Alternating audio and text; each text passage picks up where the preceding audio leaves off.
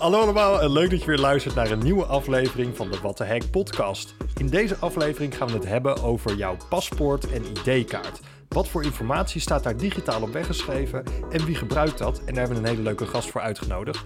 En natuurlijk hebben we een vraag aan jullie, lieve luisteraars. Leggen we iets in 30 seconden uit en hebben we weer een cyberwoord van de maand. Ik zou zeggen, daar gaan we.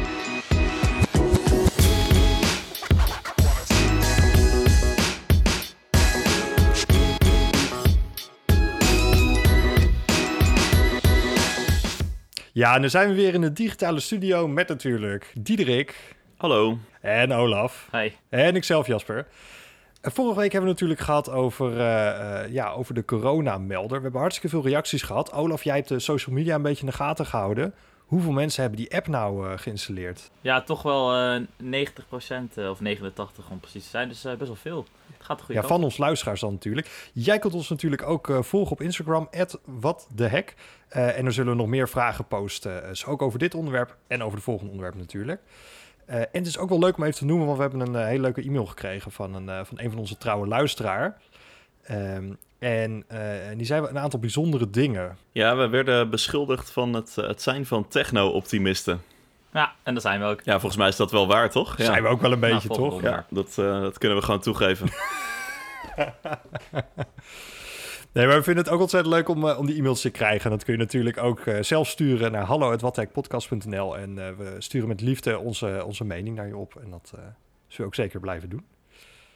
Ik zou zeggen, laten we naar het hoofdonderwerp gaan.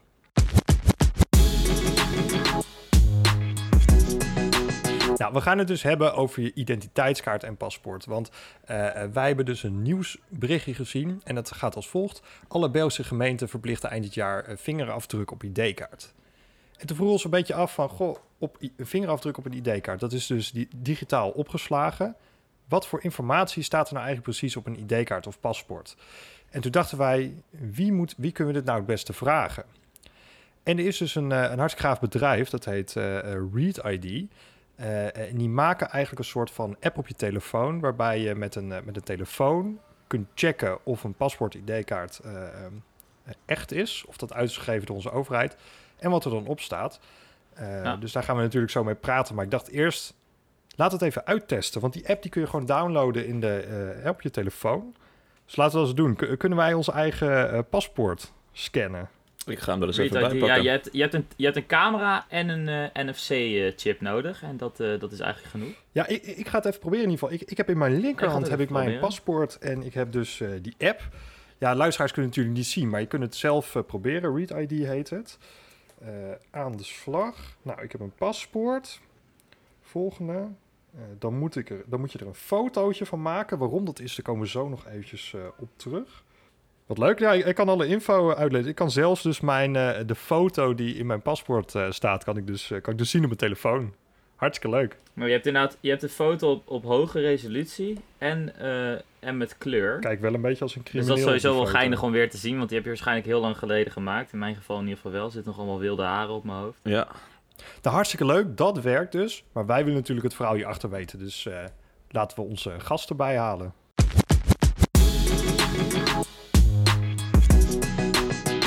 Nou, bij ons aangeschoven in de digitale studio heeft een uh, PhD gedaan, onder andere op de Universiteit uh, Twente. Dus dat vinden wij extra leuk. Maar hij is beter bekend als de co-founder en CEO van Read ID. Hier is uh, Maarten Wegdam. Welkom.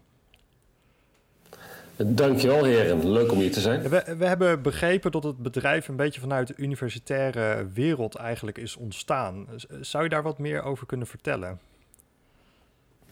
Zeker. Ooit in een heel grijs verleden uh, was er het Telematica Instituut opgericht door de drie technische universiteiten in Nederland in samenwerking met wat uh, hele grote bedrijven.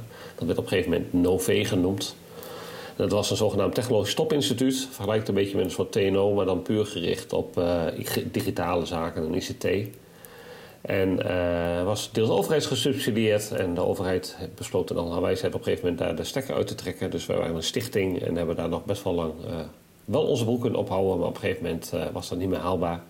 Toen is er een soort management buy-out geweest. Dus mijn afdeling en de afdeling van mijn co-founder Wil Jansen. Wij zeiden, die afdeling van ons, die hebben een eigen levensvatbaarheid. Dus wij worden in plaats van werknemers van een stichting, worden wij ondernemers. En toen is het bedrijf uh, ja, dus Innovalo ontstaan. Uh, primair eerst als research-based advies. Met een heel klein beetje software. En tegenwoordig is het andersom. In die zin dat we een heleboel software doen. En dat is dan uh, ReadID. En we doen nog steeds ook dat research-based advies onder de naam Innovalo. Dus we doen twee dingen tegenwoordig. Ah, tof. Nou, wij, wij hebben dus een, een nieuwsartikel gelezen. En dat gaat er vooral over dat. Ik, zal, ik zal even de kop voorlezen trouwens. De, alle Belgische gemeentes die verplichten eind dit jaar de vingerafdruk op de ID-kaart. En dat was eigenlijk de eerste vraag die een beetje bij ons opkwam. Vingerafdruk op een ID-kaart. Wat staat er dan eigenlijk op een ID-kaart? Nou, dat is, uh, dus het is niet geprint op de ID-kaart. Het zit in de chip van de ID-kaart. Dus elke uh, ID-kaart is in Nederland in ieder geval. En Europese wetgeving, daardoor is dit getriggerd. Um, verplicht dat over heel Europa heen. Dat je zo'n chip hebt in je identiteitsbewijs, of dat nou een paspoort is uh, ja, of uh, ID-kaart en in Nederland ook rijbewijzen. En daar kun je van in die chip van in de informatie stoppen, waaronder een vingerafdruk. En, en, dat is natuurlijk bedoeld om te kijken als jij over straat loopt of je, ja, theoretisch, want het verhaal met een vingerafdruk is best wel ingewikkeld. Maar dan kunnen ze bijvoorbeeld de foto die geprint is op het kaartje, is ook, zit ook in de chip. En dan kunnen ze die foto uit de chip halen. En dan kunnen ze kijken, hoort dat document wel bij jou? Of heeft iemand jouw documenten geleend, zullen we maar zeggen.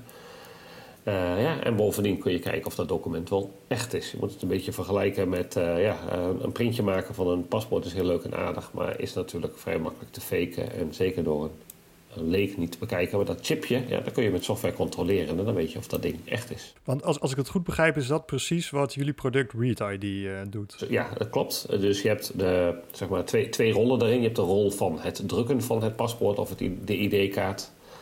En je hebt het rol van het dan kijken of het ding ook echt is. Dus wij zijn die, de, de verifier, noemen wij dat. Dus de verificatie van de echtheid van die documenten. En dan met name focussen wij dus op de, ja, op de chip, zeg maar. Dus, dus de, de oude technologie zou kijken naar het document zelf. En dan naar wat uh, OCR-technologie. En dan proberen om in te schatten of dat een echt document is. Wij zeggen nee, dat is een beetje 17e eeuw. Dus een beetje naar een, een, een, een, bankbiljet kijken. Wij kijken, wij controleren de chip van de pinpas. Ja, dus, uh, of de, de, ja, de, de, de mobile wallet. Ja, dus wij gaan de crypto kant op in plaats van... We hebben geen verstand van, van grafische kenmerken van zo'n document. Wij hebben verstand van, uh, van crypto, van, van bitjes en van uh, digital signatures, et cetera. Dus wij controleren dan, wij lezen de, de inhoud uit van de chip. Dat is heel belangrijk om bijvoorbeeld echt goed te weten wat jouw naam is... en ja, de, jouw gezicht eruit te halen. Of, komen op nog wel terug op de vingerafdruk. Maar ook te kijken van, is dat ding nou echt door de Nederlandse staat uitgegeven... of de Belgische staat? Is het een echt document of gekloond document? Dat doen wij. En dan doen wij dat op een mobieltje. En daarin uh, waren wij uh, ja, de eerste op deze wereld, onomstreden. Dus al jaren en jaren geleden, toen dat op een paar Android-telefoons kon, hebben wij dat gebouwd. En vervolgens kon het op steeds meer en steeds meer Android-telefoons. Dus toen hebben we er ook echt een product van gemaakt, in plaats van alleen een stukje ja, open source prototype software. En sinds vorig jaar kan het ook op iPhones. Hè, dus het gaat altijd vaak iets langzamer op iPhones dan op Android. En, uh, maar dat is wel een grote doorbraak geweest voor ons bedrijf, ja. zeg maar. Dus dat het nu ook uh, op iPhones kan. En, uh, ja, en, dat, en wij zijn daar nog steeds, ja, dus Meet in Twente, de, de grootste op deze wereld, op de leidende partij. ja, dus het is een kleine niche-markt, maar daarin zijn wij verrekte groot. Waarom, waarom zou je zeggen dat het belangrijk is dat het ook op, op Android-telefoons en op iPhone-telefoons moet werken? Want ja, uiteindelijk zijn de enige mensen die dit mogen controleren, zijn in feite ja, de autoriteiten toch, douane, controles, uh, politie. Die kunnen zouden een speciaal apparaat daarvoor kunnen hebben, toch? Bijvoorbeeld.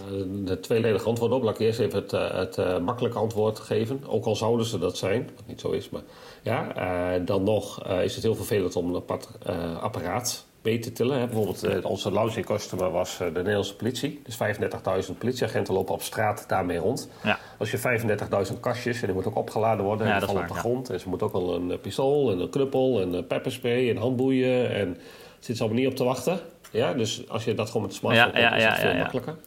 Maar dat is alleen het, ja, dat is een, een, een uh, maar wat belangrijker is, is dat hoewel natuurlijk een paspoort of een ID-kaart formeel een, uh, iets is om te reizen, is dat in de praktijk natuurlijk niet zo. Als jij een bankrekening opent, moet jij echt wel je paspoort laten zien aan de bank. En die heeft zelfs een wettelijke plicht om dat te controleren. En, ja, dat waar, um, maar ja, dan moeten ze dat wel kunnen. Ja, dus wij, wij helpen overheden, maar ook allerlei andere partijen om dat document te controleren. Ja, ehm, is het altijd nodig om helemaal precies alles van jou te weten? Nee, natuurlijk niet. Dus ja. Uh, ja, maar, dat, maar dat uiteindelijk voegen wij daar ook niet heel veel toe. Want wij, of je nou een, een partij zeg maar, onterecht jouw paspoort wil controleren of niet, ja, hij kan het toch wel aan jou vragen en jouw, jouw nummertjes over, overschrijven of jouw naam overschrijven. Het enige wat wij doen is hun helpen om de bad guys daartussen uit te filteren. Zodat het in ieder geval niet onzinnig is dat je je privacy opgeeft. Want ja, als, uh, de bad guys zullen altijd met een vals document aankomen natuurlijk. Dus uh, als je ze niet controleert op echtheid is het eigenlijk het hele controle uh, onzin. En dat, Sorry, als ik nog even op mag aanhaken, zeg maar, je had het al over dat je cijfertjes kan overschrijven, bijvoorbeeld. En een foto zou je natuurlijk een kopietje van kunnen maken.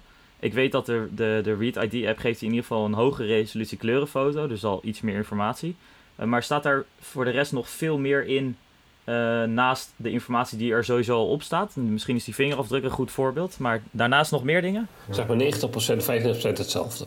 Uh, niet helemaal. Er zijn dus de, de, de, de, zoals je zei, de face image is inderdaad op hoge resolutie, waardoor dus ook gezichtsherkenning en lookalike fraude veel beter aangepakt kan worden. Er zit ook niet bijvoorbeeld op een, ligt een beetje aan het specifieke document, maar vaak zit er ook een, een watermark of iets dergelijks over je foto heen gedrukt.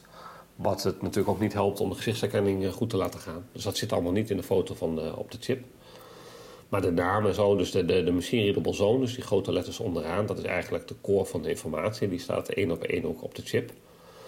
En, uh, maar er zijn uh, is één, ja, twee grote uitzonderingen. Tot, ja, dus de um, optionele velden, dus het ligt aan het land. En in Nederland zit dat er niet in, is geboortedatum. Staat wel gedrukt erop, maar staat niet in de chip. En ook geboorteplaats staat niet op de chip. Dus dat zijn ook niet hele belangrijke velden. Dus in de praktijk is het niet zo'n heel groot probleem. Maar ze hebben dus daar, kiezen daar wel voor om het niet helemaal gelijk te doen. Het grootste verschil is inderdaad die, uh, die vingerafdruk. Dus die vingerafdruk staat niet op uh, het document gedrukt, maar zit wel in de chip. En dan is eigenlijk de crux hier, is dat uh, de chips, uh, er zijn wat privacy-mechanismen, ik het ook over hebben, maar de chip is in principe zo gemaakt dat je er gewoon alles uit kunt lezen. Dan heb je de zogenaamde country certificate nodig om te kijken of het ook echt is. Dat is een soort, ja, net zoals een, uh, als een certificaat voor je, voor je, voor je slotje in je, in je browser, zeg maar. Alleen ja, net wat anders, maar het lijkt erop. En, maar de vingerafdruk, die zit achter wat heet terminal authentication. Dus de issuing country, dus de Nederlandse staat, bepaalt wie die vingerafdruk uit jouw paspoort mag lezen. En in de Nederlandse ID-kaart zit hij dus nu, zat hij ooit in, is hij uitgehaald en moet er nu weer in.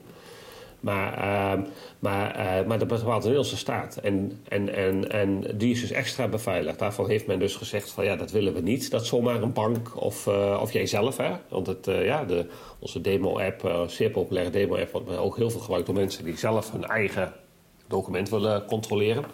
Je zou zelfs kunnen zeggen, nou AVG technisch lijkt me dat zelfs verplicht dat dat moet kunnen. Hè? Dat is mijn informatie, staat op mijn chip. Waarom mag ik er niet bij? Wat is dat voor raar geneuzel? Ja, dus, uh, dus met, met ons appje kan dat ook. Maar, ja, maar, die, maar je komt dus niet zomaar bij die vingerafdruk. En het frappante of het debiele is dat uh, dat ding is zo goed beveiligd met zoveel gedoe om dat te kunnen, dat in de praktijk die vingerafdruk ook zeer zelden wordt uitgelezen. Het zal mij betwijfelen als er meer dan een handvol uitlezingen van de vingerafdruk in de Nederlandse paspoorten, waar ze al eeuwig in zitten, gebeurt in Nederland. En laat staan in het buitenland. Want je hebt een, ja, je hebt een eh, soort, ja, een soort PKI-infrastructuur nodig om dat te kunnen. En, uh, en daar zitten ze al, al 10, 10 jaar, 20 jaar of zo op Europees niveau over te steggelen. Laat staan buiten Europa. Dus in de praktijk is het een data die erin staat. Die wij als burgers dus ook al elke keer, uh, als we naar het gemeentehuis gaan, nemen we ons vingerafdruk in. Die wordt dan heel veilig op dat chipje gezet. En wordt er nooit meer uitgelezen. Ja, qua privacy kun je dan zeggen, nou, dan is het ook geen probleem als toch niet ah. het uitleest. Maar ja, maar de, het is ook zo dat je denkt van ja, wat is al het nut? Hè? Dus waar, waarom uh, spenderen we onze belastingcenten daarin? Maar goed, je hebt het nu over de praktijk. Uh, we zijn er al heel lang mee bezig. In theorie moet hier een use case voor zijn, voor, het, uh, voor die vingerafdrukken. En wat zijn de use cases? Use cases is echt om beter dan alleen met jouw gezicht te kunnen vaststellen dat dat document bij jou hoort. Ja, het is een vorm van um, decentrale identiteit. Hè? Dus het, jouw informatie staat op een chipje wat jij bij je draagt. En jij bepaalt aan wie je op dat moment geeft. En ja, kan zijn politieagent van je afpakt en het gewoon uitleest. Maar in principe heb je daar controle over. Maar ze moeten wel heel goed vaststellen of dat document bij jou hoort. En dan is uh, het, het, het uitgaan van één biometrisch kenmerk, jouw gezicht. Nou, ook in de leeftijd waar jullie zitten, bijvoorbeeld, gezichten veranderen best wel veel. Bij, uh, statistisch gezien bij vrouwen nog meer dan bij mannen trouwens. Ja, dus dat ding is tien jaar geldig. Ja, dus jij houdt op de 18e en dan moet, iemand, en dan moet een politieagent op straat. Moet dan, als jij, of jij eh, reist naar het buitenland, een uh, marechaussee op Schiphol. Die moet dan kunnen zien van een 9,5 jaar oude foto. Hmm. Is dat wel Diederik? Ik weet het niet helemaal. En dan zou nou, het... Diederik is niet veranderd. nee, die ziet, er, die ziet er over negen jaar nog hetzelfde uit. Oké. Ja. maar ja, dus, dus mensen die krijgen een baard, worden dikker, uh, ja, worden ouder, worden rimpelig, whatever. En... Uh, ja, en, en, dan helpt dus een tweede biometrische modaliteit om te kunnen controleren of dat document al bij jou hoort en jij dus niet het document gestolen hebt. Heeft in ieder geval op, ja, heeft theoretisch in ieder geval heel veel waarde, zeg maar. Uh, komt ook bij, het is heel ongemakkelijk ook om te zeggen hè, van nee, dat ben jij niet en zo. Hè. Dus de social engineering, attack aanval is ook best wel aanwezig. Hè. Dus als jij maar uh, iemand hebt die een beetje op jou lijkt en dan bij de bank, dat echt zo'n bankmedewerker zegt van uh, dat ben je niet, ga maar weer weg. Of ik bel de politie. Ja, dat gaan ze niet doen. Ja, dus als ze een vingerafdruksensor zouden hebben... niet dat ik ervoor pleit dat dat allemaal gaat gebeuren. Hoor, maar er zitten ook nadelen aan. Maar de voordelen zijn ook evident. Ja, als je dat zou doen, uh, dan worden er minder bankrekeningen geopend... door uh, terroristen en criminelen die willen witwassen. Ik heb ook begrepen dat als we nu toch over banken hebben dan specifiek, uh, uh, dat er ook een applicatie was voor dit soort technologie om bijvoorbeeld een bankrekening te kunnen openen zonder contact met een medewerker. Ja, dus dat is uh, core business van ons om dat te doen. Hè. Dus de eerste remote toepassing van onze software. Dus, dus, dus politie was de launching customer voor. Ik heb het vast als politieagent en ik controleer het document. Dus ik controleer op mijn eigen telefoon. Wij doen dat dan ook voor zeg maar self-service remote onboarding, noemen we dat dan vaak of remote identity uh, verification. Bijvoorbeeld voor de Rabobank was onze launching customer daar. En uh, ja, dan doe je dus eigenlijk hetzelfde trucje. Dus je leest met je eigen telefoon je eigen chipje uit. Dan sturen we dat allemaal naar een SaaS-server bij ons. Want ja, dat mobieltje, dat vertrouwen wij niet. Het is een uh, cybersecurity podcast. Hè. Dus een mobieltje kan ik natuurlijk wel laten beweren dat ik... Het is mijn mobieltje, dus als ja. ik uh, ja, Mark Rutte wil zijn, dan, dan kost me dat niet heel veel moeite. Jullie drieën kunnen dat ongetwijfeld, zeg maar. Ja, dus wij moeten wel die verificatie bij ons op de server doen, waarbij wij dus ook even toegang hebben tot verrekte privacygevoelige informatie. Die gooien wij daarna heel snel weg overigens. Wij cachen die informatie alleen maar rond een minuut of vijf minuten. En, um, en daarna, maar dan weten we nog niet dus van is het document wel van Maarten. Ja? Of, is het, uh, of heb ik het document van, uh, van een collega even gepakt of uh, van iemand die ik ja, oh, de kroeg heb gerold. Um, dus daarna doen wij dan gezichtsherkenning. Dus dan hebben wij een partner voor. Dan nemen wij dus een selfie. Met, met name liveness is dan heel belangrijk. Hè? Is het niet een foto van iemand? Is, ben ik het echt op dat moment? Presentation attack detection heet dat in een technische term. En die de combinatie van die twee dingen, ja, dat is eigenlijk de kern van het aanvragen van de bankrekening. Hè? De bank moet nog iets meer doen. Ben je niet een gezochte terrorist? Uh, ja, sta je in een bepaalde fraudelijst? dat soort zaken. Maar de, de, kern is dan eigenlijk, ja, wat wij doen, dus identity. Ja, dus eerst kijken, is het document echt? En de informatie eruit halen. En dan als tweede, holder verification, hoort dit document bij mij? En dat kunnen wij dus niet aan de hand van de vingerafdruk doen. Want uh, ja, een bank krijgt nooit en ten nimmer toestemming om die vingerafdruk uit te lezen. Dus wij ook niet namens die bank. Ah, oké. Okay. Maar toch, toch ja. jullie gaan wel al van die facial recognition uh, uit, om zo maar te zeggen. Die, die mag een bank wel uitlezen, zeg maar. Met part, ik heb dat wel eens zelf gedaan met een telefoon voor je hoofd. Dan moet je ook van de zijkanten laten zien en bewegen met je mond en zo. En dat, om vast te stellen dat het geen foto is.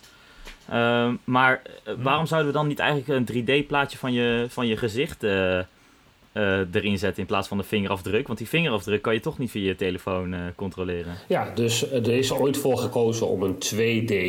het is natuurlijk veel makkelijker om een 2D gewoon foto te nemen die een willekeurige fotograaf kan nemen. Of een willekeurige fotoboot. En dus niet een 3D-image van jouw gezicht te maken. Als we dat zouden doen, dan kun je inderdaad veel beter uh, controleren van ben je dat wel en ben je wel een levend persoon, de liveness check.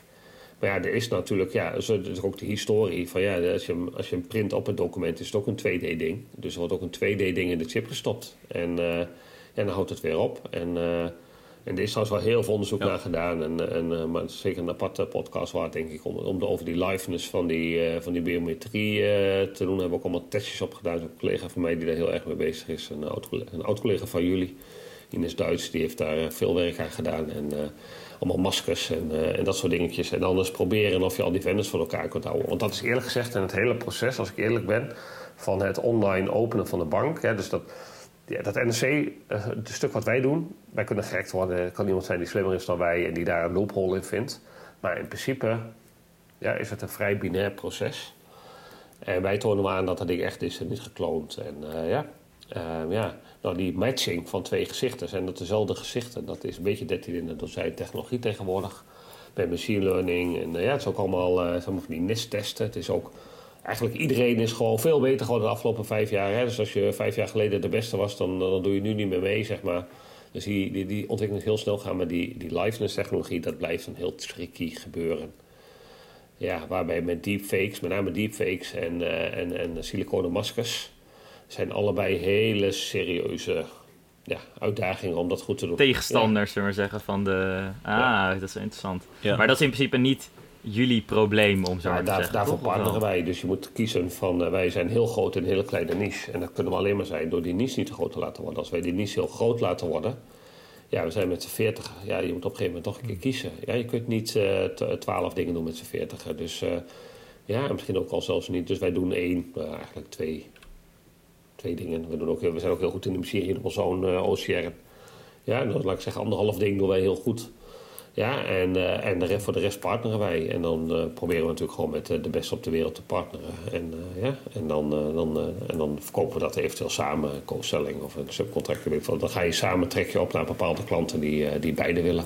Ik ben nog wel benieuwd. We hebben het tot nu toe over een use case waarbij je eigenlijk het hele paspoort aan het uitlezen bent. Um, digitale verificatie wordt steeds meer een, een, dingetje. Ik wilde bijvoorbeeld pas een scooterabonnement activeren, van die elektrische scootertjes. En die willen weten of ik een rijbewijs heb. Uh, maar ik heb geen zin om al mijn gegevens naar hen toe te sturen. Ze hebben niets aan mijn BSN bijvoorbeeld.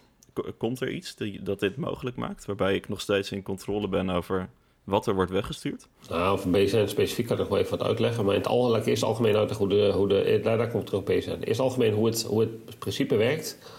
Het principe is dat een. Uh, laat ik voorstellen, ik zou heel graag willen dat wij uh, per attribuut dat konden uitlezen, per attribuut konden verifiëren en per attribuut kunnen doorsturen. Helaas heeft de Verenigde Naties, die deze standaard heeft gemaakt, heeft de chip opgedeeld in zogenaamde datagroepen. En je moet een hele datagroep, je kunt wel een hele datagroep, daar zit weer een hash overheen. En met die hash, daar doen wij uh, uh, de digitale handtekeningen checks over. Dus als wij bijvoorbeeld, ja, jouw naam en jouw nationaliteit, ja, zit, en, en ook BSN, zit in één datagroep. Dus wij kunnen niet zeggen, wij laten bijvoorbeeld de nationaliteit, wat ook typisch gevoelig iets is, of, uh, of een BSN-nummer weg. Of als jouw leeftijd niet relevant is, jouw leeftijd. Nou, bij cultuur is dat natuurlijk wel relevant. Um, maar dan, en dan, want dan kunnen wij niet meer de hele datagroep uh, controleren. Dus, de, de, dus er zitten gewoon beperkingen aan. Hoe lossen wij dat op? Door in onze, aan onze kant het wel mogelijk te maken voor die, onze klanten om maar een deel van die informatie op te vragen. Dus zij, wij, wij moeten wel de hele datagroep uitlezen. Zij kunnen stukjes eruit lezen en een seconde later het weggooien. Maar ja, als je er heel feitelijk naar kijkt, ja, we hebben wel een seconde lang die data gehad. We, hebben, we doen er niks mee, we hebben het meteen weer weggegooid. Maar ja, wij ontkomen er niet aan om het dan wel even die ene seconde te hebben. En, uh, en dat is een beperking van, uh, van de paspoortenstandaard waar we niet omheen kunnen werken. Over het BZN specifiek, uh, dat is een, een grappig verhaal. Ja, was, denk ik, ja, vorig jaar of dit jaar, begin dit jaar, ik weet het niet meer. Dus de, de Nederlandse overheid heeft ook gezegd van het BSN is een beetje raar, hè? Uh, want dat vinden wij een gevoelig item. Dus dat moet je eigenlijk niet zomaar op dat paspoort zetten. Maar ja, aan de andere kant, het is wel vrekt handig. Want de politie wil het hebben, medische zorg wil het hebben. Dus heel schizofrene houding vind ik als Nederlandse samenleving... en Nederlandse politiek en wetgeving richting BSN.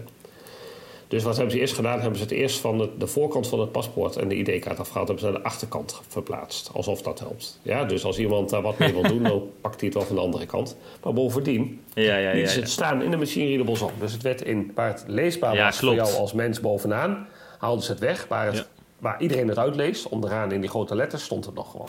Dus dan heb je natuurlijk nog maar 10% van de Nederlandse bevolking die dat snapt. Dus iedereen denkt, oh, mijn BSN staat er niet op. Jawel, staat er onderaan heel groot, heel makkelijk, automatisch leesbaar. Dus dat is niet zo heel handig. Dus dan heeft de minister besloten, nee, dat moet er toch maar uit. Dus wordt uitgehaald en wordt dan als een QR-code op de achterkant van je ID-kaart, de achterkant, ah, de ja. achterkant van, de, van de datapagina van je paspoort gedrukt.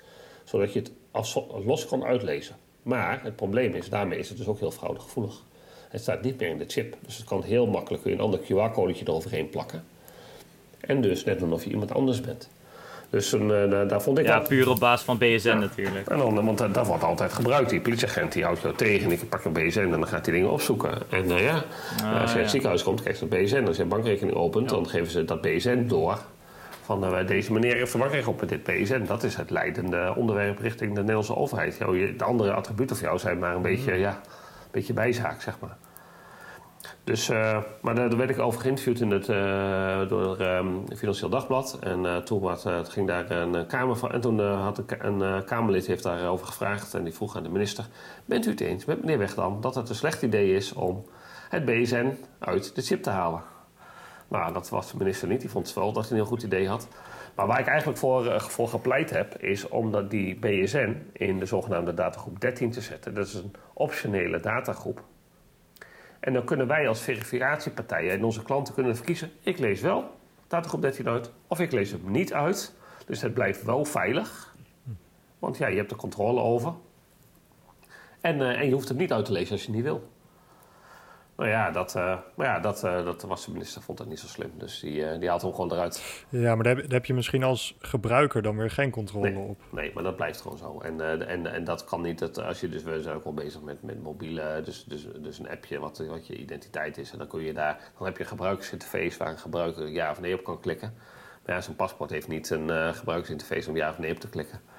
Dus aan die kant ja, houdt het op een gegeven moment op, zeg maar. Maar in ieder geval maak je het mogelijk om het juiste te doen. Terwijl uh, ja, in de huidige omstandigheid is het niet mogelijk het juiste te doen. Je kunt niet anders dan hem uitlezen.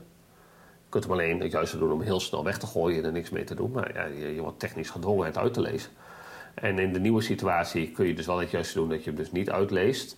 Maar ja, daarmee is hij ook niet meer veilig, zeg maar. Dus het wordt een soort self-asserted data. Dus als ik beweer dat dit mijn BSN is, ja, het hele idee van het paspoort is dat niet dat ik beweer dat ik Maarten weg dan ben, maar dat de overheid beweert dat ik Maarten weg dan ben.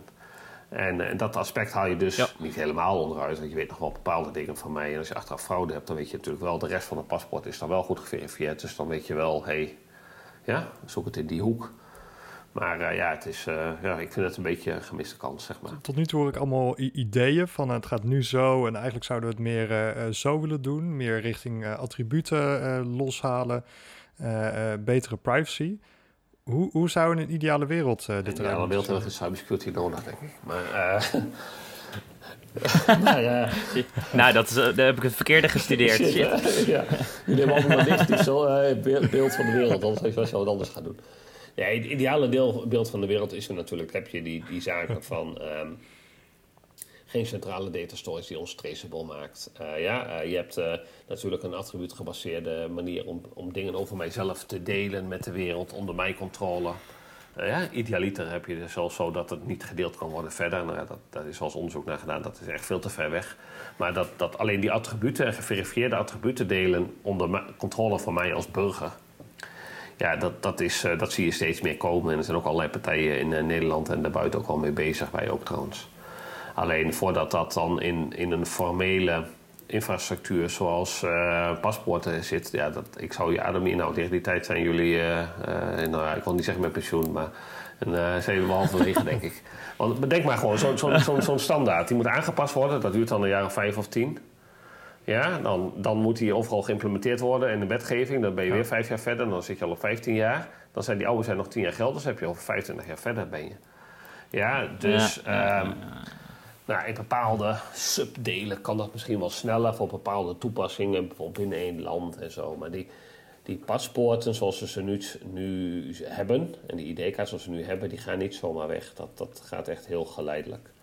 Dat triggert mij wel dat, als jullie begonnen over België, waarom doet België nou, zet nou die, ID, die, vingerafdruk in die, in die ID-kaart? Dat is omdat op Europees niveau zijn die regels strenger geworden. Hebben ze gezegd, hé, hey, die ID-kaarten, dat zijn eigenlijk toch wel uh, ja, gewoon geldige travel credentials. Hè? Dus uh, ja, je mag ermee reizen.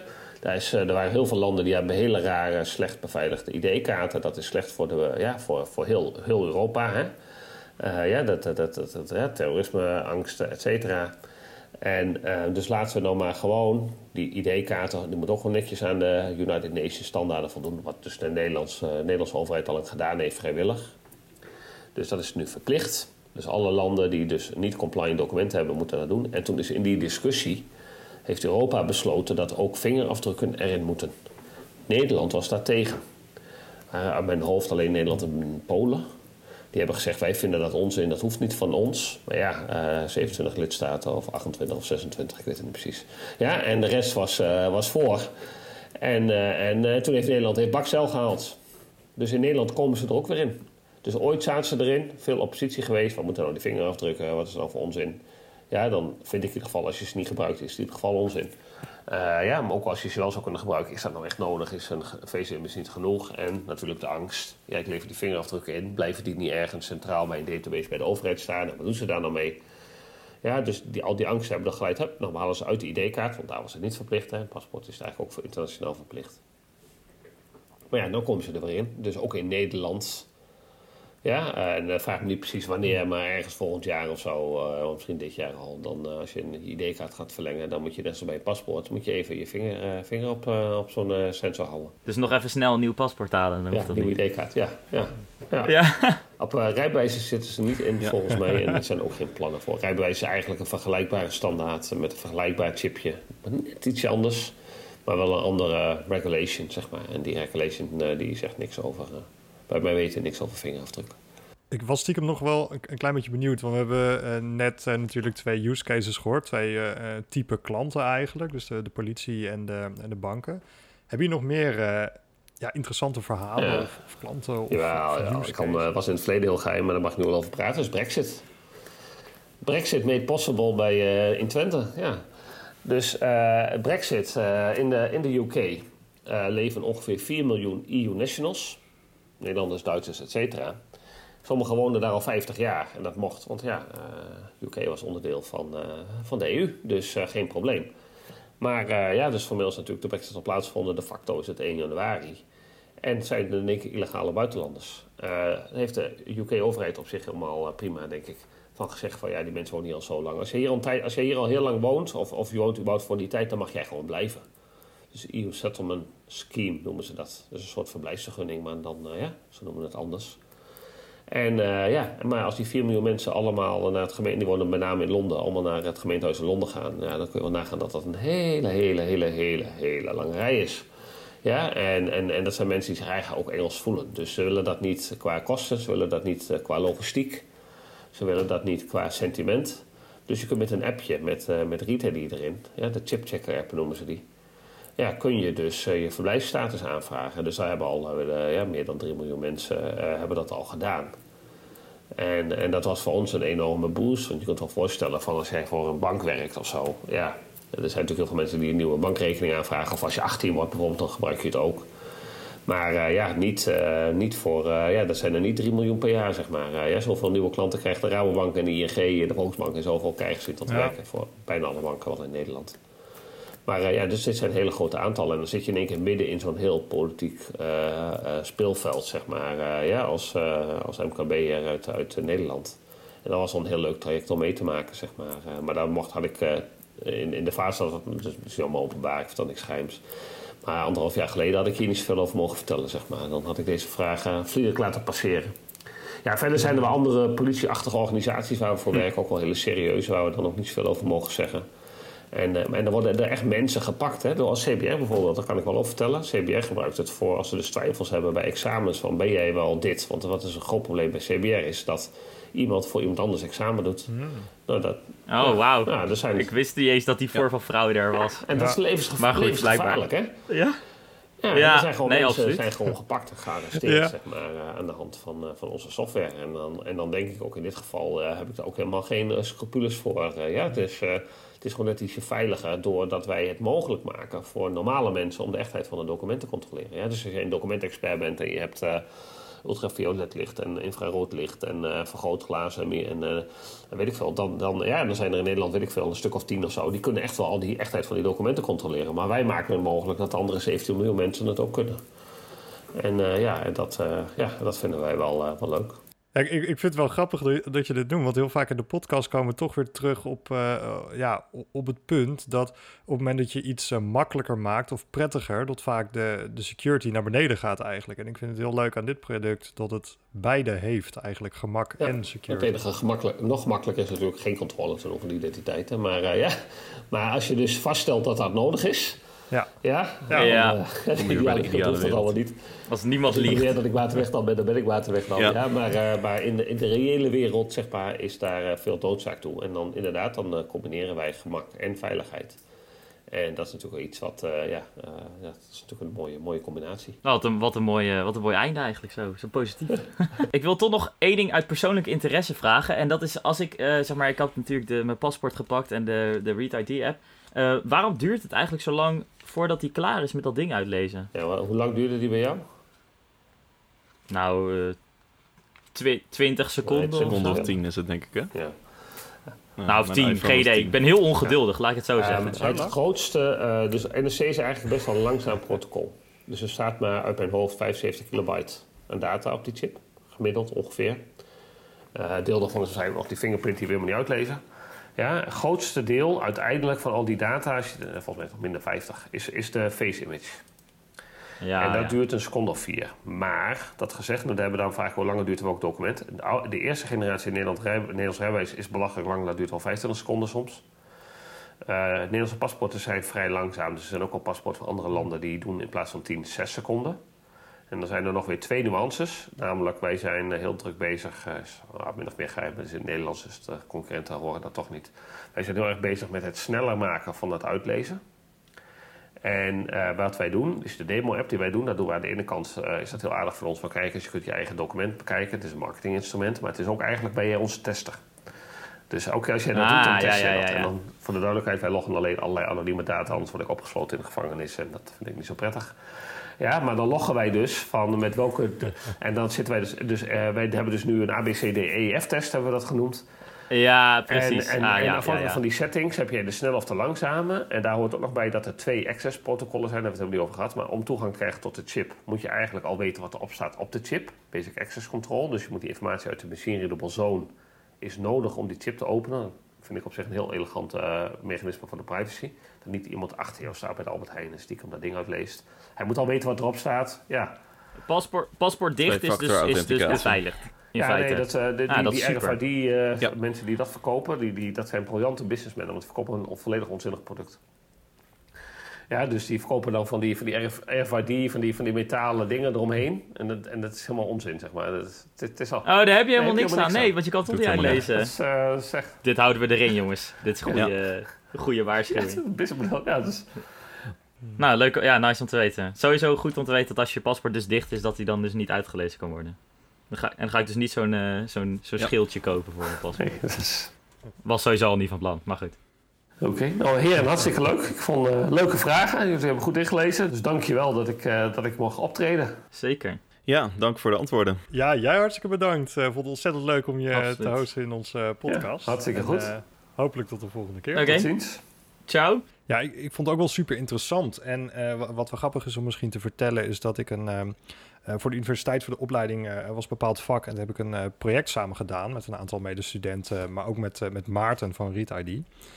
Ehm, en eh, ja, en toen, toen kregen we ook een beetje eh, het concept van het bedrijf mee. En toen gingen we kijken naar eh, wat de volgende move van het bedrijf zou worden. Dus welke markt ging het bedrijf veroveren. En ik vind, dat, ik, ik vind het een hele leuke... Ik, ik vind het gewoon heel leuk hoe, hoe dit bedrijf zeg maar, met, een, met een heel klein concept is begonnen vanuit de universitaire wereld. En dat echt heeft uitgebouwd met verschillende use cases. En zoals we aan het einde al zeggen, dat, eh, dat het leuke eraan is... bij de meeste use cases gebruik, wordt het gemak ook echt hoger, maar de beveiliging ook. En dat vind ik zo uniek en grappig aan deze... eh, aan dit concept. En, en dat werkt denk ik ook zo supergoed. Ik ben nog benieuwd, hebben jullie het wel eens gebruikt? Nee, Ik wel namelijk. ik nog nooit. Oh, serieus? zit in de... Ik wel, wel dat face scan gebeuren en met een, met een foto van je paspoort en dan daarna je gezicht scannen. Oké. Dat heb ik dus wel moeten doen. Maar nog nooit met, eh, met de NFC-chip. Ja, het zit dus in de DigiD-app. En dat is, dat is de oplossing van Read ID. Oh, maar dat heb ik wel een keer gebruikt. Oh, wat leuk. Ja. Oh, ik wist niet dat dat ook al van hun was. eh. En als je dat dus instelt, dan heb je drie-factor authenticatie. Ik bedoel, we hebben het natuurlijk vaak over twee-factor authenticatie in de podcast. Maar We, is we gaan niet... Ja, maar ik vind dat een beetje onzin, want je hebt het... factor een nieuw woord. Multifactor authenticatie, daar, daar houden we Ja, oké. Maar het is, het is dit keer is het wel weer... Het is zeg maar... Ze doen, ze, je wil altijd eh, something you have, something you know en something You are. You are. you are, inderdaad. Biometrisch. Maar nu is het eigenlijk something you have, something you have en something you know. Dat is eigenlijk wel een beetje matig. Ze hebben toch die vingerafdrukken nog nodig. Nou, goed. Het Ja. is altijd nog beter dan, eh, dan twee factoren. Ja, ja inderdaad. Of een gezichtsscan. Maar ja, oké, het, is, het is beter, want dan kunnen ze aantonen dat je niet alleen in bezit bent van je telefoon, maar ook van je paspoort. Ja. Ze doen er verder niks extra's mee, toch? Ja, en de, de UR-factor die heeft nadelen. Die, die kun je niet veranderen als hij uitlekt. Ja. Dus ik, ik, Ja. ik weet niet hoe, Ja. hoe, groot voorstander ik ben van het gebruik daarvan. Ik ben wel benieuwd waar dit, waar dit uitgaat. Maar ik, ik denk dat we eigenlijk al gewoon bijna toe zijn gekomen in onze eh, takeaways eh, van deze episode. Wat zijn die eigenlijk? Zullen we bij jou eh, beginnen, Diederik? Ja, nou ja, goed. Mijn, mijn takeaway is eh, grote teleurstelling. Want ik weet niet, ik heb de, de utopie in mijn hoofd. Ik wil van al die pasjes en van al die sleutels af. Het eh, doel daarvoor is eh, 2022. Maar ik heb net gehoord dat het eh, niet gaat gebeuren. Dit soort eh, systemen, dat, dat, dat ligt vast in standaarden. Die worden, nou, deze wordt tientallen jaren geleden een keer vastgelegd.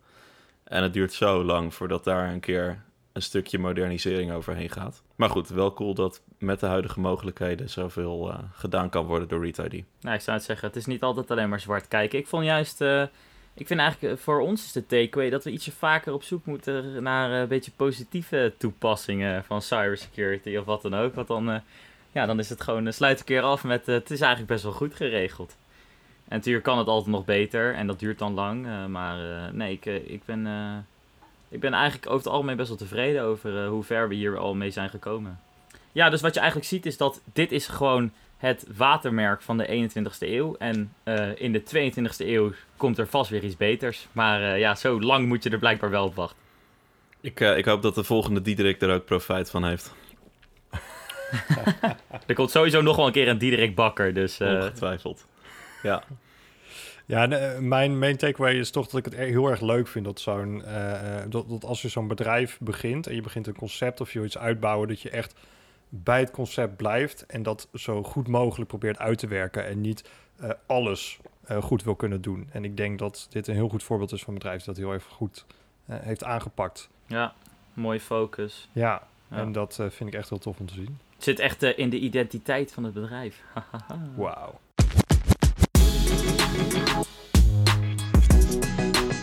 Daar is hij weer, daar is hij weer, de 30 seconden uitleg. En deze week hij niet voor mij, hoop ik. Nee, hij is voor Diederik. Dat hebben we net al besloten. ik ben de chef. Nou, fantastisch. Ik, ik sluit me daar helemaal bij aan. Nou, die, Diederik, we hebben er deze keer lang over nagedacht. Ik heb het pak gemerkt. Even snel de stopwatch erbij. Ik pak het timer, ik pak het timertje. Pak timings erbij. Eh, wij hebben een leuke vraag bedacht. We hebben het natuurlijk gehad over, eh, over Read ID. En eh, Maarten beschreef ook dat er eh, eh, een aantal problemen waren in het begin daarvan. Namelijk op, eh, op Android-telefoons was het al vrij vroeg mogelijk om die Read ID-app daarvoor te maken. Maar op eh, Apple-telefoons is dat slechts heel recent mogelijk geworden. Waarom is dat? Ja, leuke vraag. Dat, is, eh, dat heeft te maken met de manier waarop apps werken. Eh, en daar zit nogal een verschil in tussen eh, Android en iOS, het besturingssysteem dat op iPhones draait. Eh, apps die je, die je bouwt, die praten tegen een bepaald stukje software aan. Dat wordt aangeleverd door Google of door Apple, afhankelijk van het besturingssysteem. Eh, en door daar tegenaan te praten krijg je bepaalde mogelijkheden. En Google laat daarin wat meer toe dan Apple dat doet. Dus Apple heeft specifiek die NFC-reader hebben ze eh, redelijk afgesloten. En je moet door een heel proces heen voordat jij als app-ontwikkelaar goedkeuring krijgt om die NFC-reader te gebruiken. Je bent wel een beetje over tijd, maar Ja, in principe seconden. is het wel goed uitgelegd. Ik, ik vond het heel duidelijk eigenlijk. Ja, nou absoluut. Zo'n, eh, dat stukje software, dat heet een SDK trouwens, voor de geïnteresseerde luisteraars. Ja, het is, het is wel grappig dat, dat Apple is eigenlijk altijd voor mijn gevoel conservatiever geweest inderdaad met het vrijgeven van, eh, van stukjes die je kan, eh, waarop je aanspraak kan maken op de telefoon, om zo maar te zeggen. En nu zie je dat ze ook weer eerder nog sneller in de, eh, in de richting bewegen om weer met, met verband, in verband met de privacy, zeg maar, ook weer zoveel mogelijk af te schermen. Dus Ja. zij, zij liepen altijd achter, wat eigenlijk vooruitstrevend was. En nu zijn ze ook weer vooruitstrevend met, met, het, met de privacy. Dus in een nieuwe versie van, eh, van iOS uh, krijg je, net zoals uh, op mijn webcam op mijn uh, laptop, gaat er een soort bolletje lichter op op het moment dat bijvoorbeeld je microfoon of je camera wordt gebruikt. Ik heb het gemerkt dus vandaag, ja. Wat mij betreft is helemaal de goede kant op. Ik, ik vind het ontzettend mooi werken. Ja, het, het, is sowieso natuurlijk een afweging altijd tussen, tussen aan de ene kant, aan de ene kant een stukje privacy, maar aan de andere kant een stukje openheid. Want je wilt dat die platform natuurlijk alles kan doen. Maar ja, je wil natuurlijk niet dat als je een app installeert, dat die volledige controle krijgt over je telefoon. Dus dat wil je wel heel erg beperken. En daar zit toch de moeilijkheid in, denk ik, voor die, uh, voor die makers van die software. Inclusief alle security problemen van, uh, van dien, zeg maar.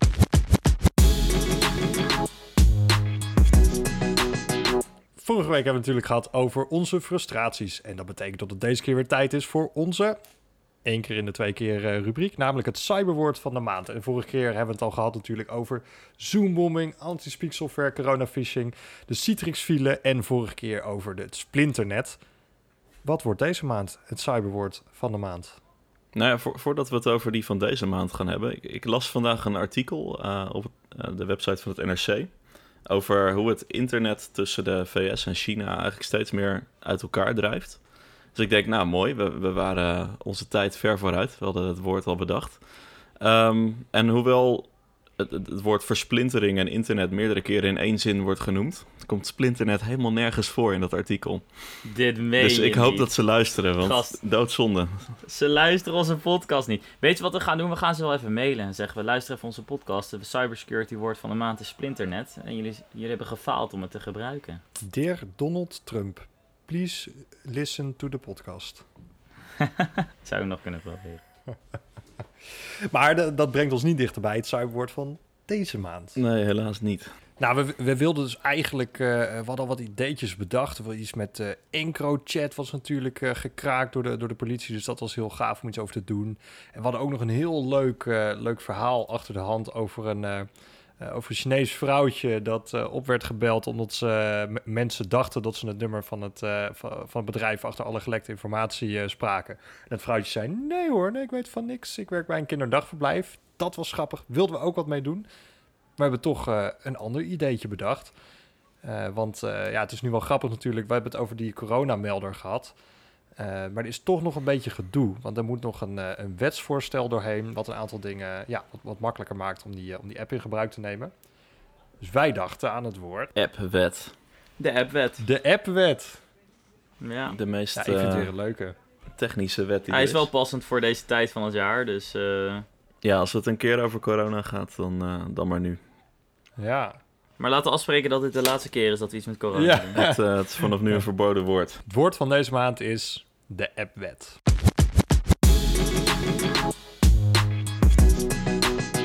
Nou, dat was hem dan weer voor deze keer. Eh, we hebben natuurlijk eh ontzettend leuke discussie gehad met Maarten over Read ID. We hebben een woord in 30 seconden uitgelegd. We hebben het eh, gehad over het cyberwoord van de maand, namelijk appwet. En natuurlijk willen we ook aan jou vragen. Stuur al je leuke reacties, vragen, berichten eh, op onze Instagram of onze e-mail. Onze Instagram is @wattehek, onze e-mail hallo @wattehekpodcast.nl. En, eh, en we hebben natuurlijk ook Twitter. En op onze social media zullen we ook eh, de komende tijd wat leuke vragen en fragmenten posten. Dus hou dat zeker in de gaten.